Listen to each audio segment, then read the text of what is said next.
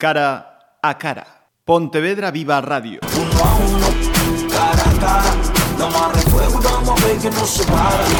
Bienvenidos amigos a esta nueva edición de su programa Cara a Cara. Mira la cara a cara que es la primera. Bienvenidos a una nueva edición. Esta semana en el Cara a Cara nos hemos venido al Teatro Principal de Pontevedra con motivo de ese foro segunda edición de As mujeres que opinan son perigosas y tenemos una mujer que opina eh, quizá al final nos, diga si se siente peligrosa o, no. Eh, ella es Gemma Herrero, es una periodista dedicada al ámbito eh, deportivo, una mujer que además eh, comenzaste muy joven ya, Lidian, en esta profesión, ¿no, Gemma? Con, con 18 añitos. Hola, buenas tardes. Pues sí, empecé con 18 años en primero de carrera, llegué a la Complutense, eh, siempre había querido ser periodista, llegué a la Complutense, se me cayeron los, los pies al suelo, los pies iba a decir otra cosa, pero bueno, porque no era para nada lo que me había imaginado, entonces empecé a buscar en los tablones mmm, prácticas, cursos y demás, y bueno, así logré entrar como becaria en Europa Press Televisión, que tuvieron que esperar unos días porque cumplo años en junio y tuvieron que esperar unos días para que cumpliera los, los 18. 18 y poder entrar a, hacer esas prácticas y desde ahí ya no, ya no paré. Ajá. Eh, que te sorprendió, acabas de decir, y si encima te, te sorprendió ya esta profesión, eh, en el ámbito de, deportivo, ¿por qué y cómo, y cómo fue ese, ese comienzo? A mí siempre me han gustado los deportes, practicaba deporte, practicaba natación, eh, mi padre tiene el carnet de entrenador de fútbol, mi hermano jugaba al, al fútbol, yo lo intenté pero era malísima y, y, no era lo mío y siempre me recuerdo viendo tanto partidos de fútbol como grandes citas deportivas, Juegos Olímpicos y demás, con lo cual no me lo planteé de por qué, sino por qué no. Ajá. Eh, mira, en tu trayectoria has estado dando eh, cobertura informativa, eh, vamos a decir sin ánimo de que nadie se nos ofenda, a los dos grandes clubes ¿no? de, la Liga de Real Madrid y Barcelona. Eh, mirando a ese ámbito eh, informativo, periodístico del, deporte, desde los 90 hasta, hasta hoy, y, de acuerdo a lo que te ha ido mostrando tu, tu experiencia, ¿has notado que, que la, las mujeres periodistas deportivas eh, habéis conseguido ese espacio y ese respeto que igual pues hace 30 o 40 años no, no, no había? Hay más, somos más. Cuando yo empecé la proporción era mucho más pequeña. A veces era estar sola en una sala de prensa o en un viaje, por ejemplo, con el equipo, porque en las redacciones siempre ha habido Ajá. mujeres. Lo que pasa es que se las destinaba, por ejemplo, a archivo y documentación, aunque no hubieran estudiado eh, para archivo ni para documentación, pero bueno. Eh, y ahora hay más. En las radios, por ejemplo, eh, que fue una gran noticia, porque así la transmisión es más dinámica, que haya una, una voz femenina. Con lo cual se empezó a incorporar en las transmisiones de Madrid y Barça a voces femeninas. En la televisión hay una trampa. En la televisión se utiliza mujeres jóvenes y guapas, que no digo que no sean profesionales y que no sean buenas profesionales, pero es que además se las exige eh, que sean jóvenes y bellas, uh -huh. cosa que a ellos no se les exige, y eso es machismo. Ahí hay una desigualdad evidente si yo cuando hubiera salido de la facultad me hubieran pedido unas determinadas medidas, que midiera 1,80 y pesara 50 kilos, pues igual no hubiera podido entrar a trabajar a alguna televisión, por ejemplo. Ahí hay una trampa. Pero sí, hay más. Mm, el respeto mm, creo que se está normalizando, pero aún nos queda mucho. Sigo escuchando eh, a mi alrededor cuando habla una mujer o cuando pregunta una mujer o cuando una mujer presenta ciertos comentarios. Eh, por tanto, te has encontrado con, esas actitudes eh, machistas. Y si empezamos a mirar, ¿no? De, de, dónde, ¿De dónde han venido más esas actitudes? De las directivas de clubes, de los jugadores, de las propias eh, redacciones de, de los medios de comunicación, de la afición. Es general, es transversal, no, no es si la sociedad es machista, no solamente es va a pasar con la directiva, con la afición o con los compañeros. Yo decir que, por ejemplo, en Marca, donde estuve trabajando durante 17 años, me pasó poco, pero por poco que me haya pasado ya es suficiente. Eh, con directivas sí que tuve un... he tenido varios, pero sobre todo una experiencia muy desagradable en una, en una comida de Navidad eh, que un directivo, bueno al que acaba de conocer además no dejó de hacer comentarios impertinentes y machistas durante toda la comida y cuando se levantó la otra periodista deportiva, la otra mujer que había en la mesa comentó delante de todos los demás mm, lo voluminosas que tenía las tetas. Y ahí yo ya salté y le dije que cuando viniera la compañera que se lo dijera, si se atrevía, que se lo dijera ya a, la, cara. Eh, respecto a la afición, pues cuando se podía entrar en los campos de fútbol, en el césped me refiero, sí que me ha pasado a veces lo de esto de eh, rubia coqueta, enséñanos las tetas, pero tú, te hablo de una grada cantando, que es lo de tierra traga a mí. O sea, te pasa a todos los niveles. Eh, mira, Gemma, y, pasando a las mujeres eh, deportistas, y dado que haces también una sección semanal dedicado, dedicado a las mujeres en el, deporte, eh, ¿qué es lo que nos está pasando? ¿Quién tiene la responsabilidad de que eh, no haya esa visibilización en, los medios de comunicación de tantas mujeres como hacen deporte, porque lo cierto es que hay más mujeres de las que trascienden, ¿no? La culpa o la responsabilidad es de los medios de comunicación, es de, las federaciones, de las distintas disciplinas deportivas.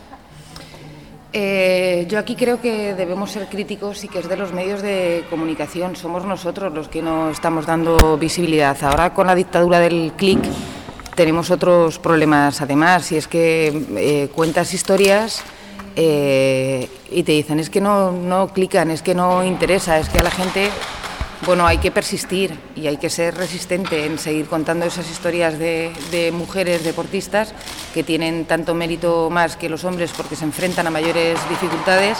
Eh, tanto económicas, sobre todo económicas, tienen menos patrocinadores, menos sponsors, y hay que ayudar, hay que poner tu, tu ranita de, arena. Yo en esto soy muy, soy muy machacona, o sea, no, no, no me canso de, seguir y seguir y seguir, y aunque me llamen pesada, aunque ya estás otra vez con tus historias, pues sí, estoy, voy a seguir estando.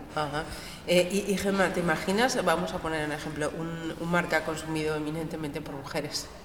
Sí, ¿por qué no? Si es que en los dos últimos Juegos Olímpicos, por ejemplo, eh, ha habido más medallas de mujeres que, de hombres. En los estadios de fútbol hay muchísimas más mujeres de las que había, qué sé yo, hace solamente 10 años. O sea, a la mujer le gusta el, deporte también, consume deporte, practica deporte y tiene éxito en el deporte. Así que, ¿por qué no? O sea que lanzamos ahí, para quien lo quiera escuchar esta profesión, ¿no? que, existe ese mercado. Y, siguiendo con, la mujer en el deporte, también de, un tiempo a esta parte em, estamos eh, conociendo eh, múltiples eh, casos, no es una cuestión de países, no es una cuestión de, deportes porque se ve que hay en, infinidad de ellas, las denuncias por haber sufrido abusos, por entrenadores, médicos, eh, agentes masculinos dentro de esta, actividad. Es una crónica negra de la, que todavía vamos a hablar largo y tendido. Pues creo que lamentablemente sí, porque como sucede en otros ámbitos, no solamente en el deporte, eh, hay un efecto llamada en el mejor sentido, porque creo que romper ese, ese silencio hace mucho bien a las víctimas. Ya no es que también por prevenir y por aislar a esos depredadores y que, y que paguen por lo que han hecho, sino que tiene un efecto muy beneficioso en, en, las víctimas. Entonces, en cuanto uno habla o en cuanto una habla, hay más que se animan a, hacerlo porque ven que ahora eh, eh, no se les criminaliza o no, o no se pone en duda sus, sus testimonios, sino que eh, la visión de los demás, el comportamiento de los demás es es comprensivo, es empático y se les escucha. Así que creo que lamentablemente sí, porque durante años ha sido el deporte, además hay cotos muy cerrados, con eh, entrenadores que son casi como padres o como Dios, eh, niños y niñas que pasan más tiempo con esos entrenadores que con sus propias familias y que tienen un poder absoluto sobre, sobre menores. Y eh, son entornos potencialmente muy peligrosos para, para, los niños y para las niñas. Eh, quería conocer también la, opinión de, una periodista deportiva, eh, premio más voy a recordar, eh, de la Asociación Catalana de, Mujeres Periodistas por tus buenas prácticas en, comunicación no sexista. tu opinión sobre dos hechos que trascendieron en 2018, comienzos de 2018 y han vuelto a trascender comienzos de 2019. Eh, el año pasado, eh, enero, eh, Arabia, por primera vez las mujeres pueden acudir a un estadio de fútbol no a cualquier espacio del, estadio de, fútbol. Y 2019, ese partido de, la Liga Italiana jugado en, Arabia, donde se, discriminó también la, presencia de, mujeres. Eh, ¿Es un paso? Eh, ¿Se está haciendo bien? ¿Se está haciendo mal? ¿Cuál es tu, opinión como periodista deportiva? Pues que por un paso es una evolución y toda evolución es buena. Sigo diciendo que no nos durmamos, que no aplaudamos demasiado fuerte porque esto es lo que debería ser natural y lo raro es que no lo sea a estas alturas. Pero por otro también me parece que son operaciones, a veces son operaciones de marketing. Eh, y están destinadas para lavar la, imagen y la conciencia y, y que nos hagan pensar que son más adelantados y están más adelantados y más abiertos de lo que realmente están. ¿Que han dejado entrar a mujeres de fútbol? Pues a mujeres a estadios de fútbol. Es que como no pueden entrar las mujeres en estadios de fútbol, ese es el problema. No que, uy, qué bien, vamos a aplaudirles ahora un montón porque han dejado un día. Pues mira, lo siento, pero yo no me voy a levantar. Y si ya vamos al, al, hecho de que lo practiquen, bueno, todavía estamos a años ¿no? Sí, en muchos países es que, bueno, si, si no pueden acceder a, escuelas, enseguida eh, las sacan de ellas para que se dediquen a las labores de, del hogar, pues ya deporte, apaga y vámonos, claro. Eh, y ya para ir eh, terminando, las mujeres podemos hablar de pelotas perfectamente en las mismas condiciones que cualquier otro profesional masculino.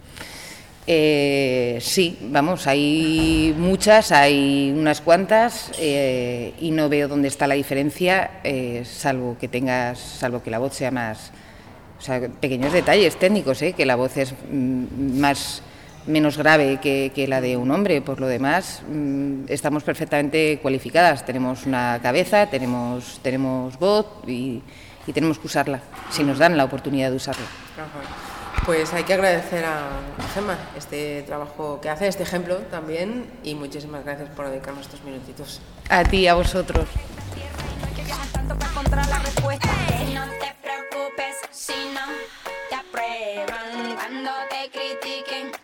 Solo di. Soy yo.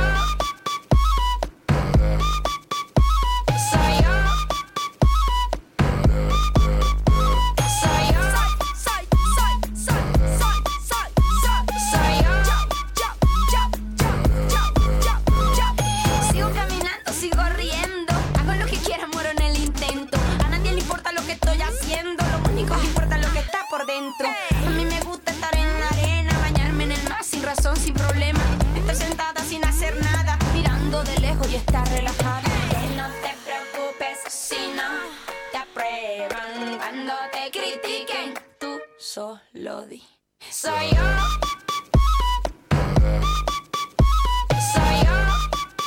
Pues añadimos a este cara a cara la voz de una de las grandes del periodismo de este país. Pepa, bueno, muchísimas gracias por este huequito, lo primero. Muchas gracias a ti por dármelo. Eh, quería preguntarte, eh, durante tu trayectoria, Pepa, eh, has tenido responsabilidades en, diferentes medios, en distintas funciones, algo que no es habitual en esta profesión, desgraciadamente. has tenido que imponerte, que hacerte valer en muchas ocasiones. Bueno, ya sabéis que la autoridad mm, no la tienes, te la dan aquellos eh, a los que mandas, ¿no? y em, yo he ejercido la autoridad con mucha naturalidad, porque he ejercido la autoridad del periodismo, que es mi oficio, es lo que me gusta hacer, dirigir equipos, organizar escaletas. ¿no? no he tenido dificultad por mandar, he tenido la dificultad que tienen las mujeres, a veces de una manera muy clara, muy evidente, y otra muy sutil, ¿no? muy sutil, eh, que nos convierte en mandonas donde ellos tienen autoridad y carácter y nosotros somos unas mandonas, ¿no?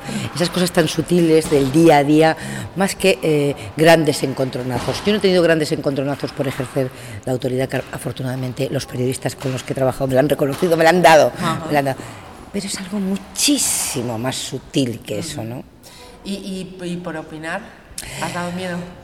Bueno, a ver, las mujeres damos miedo cuando opinamos porque es que la opinión era el último, la última trinchera que se reservaron los hombres. ¿eh? Bueno, vale, que llenen las redacciones, vale, venga, ¿eh? que nos viene muy bien que haya mucha gente, mucha tropa en las redacciones, pero en los despachos, en los despachos donde está la dirección y se toman eh, las decisiones, hombres. Y la opinión la autoridad de la opinión, decir lo que está bien y lo que está mal, ese es un campo que se han reservado durante mucho tiempo.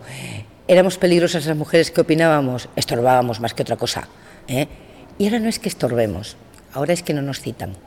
Ellos se retuitean cualquier bobada, se citan permanentemente, qué grande está fulano, pero qué bien está Citrano, y que citen la opinión de una mujer como una referencia de autoridad. ¿eh? Esto cuesta muchísimo todavía hoy.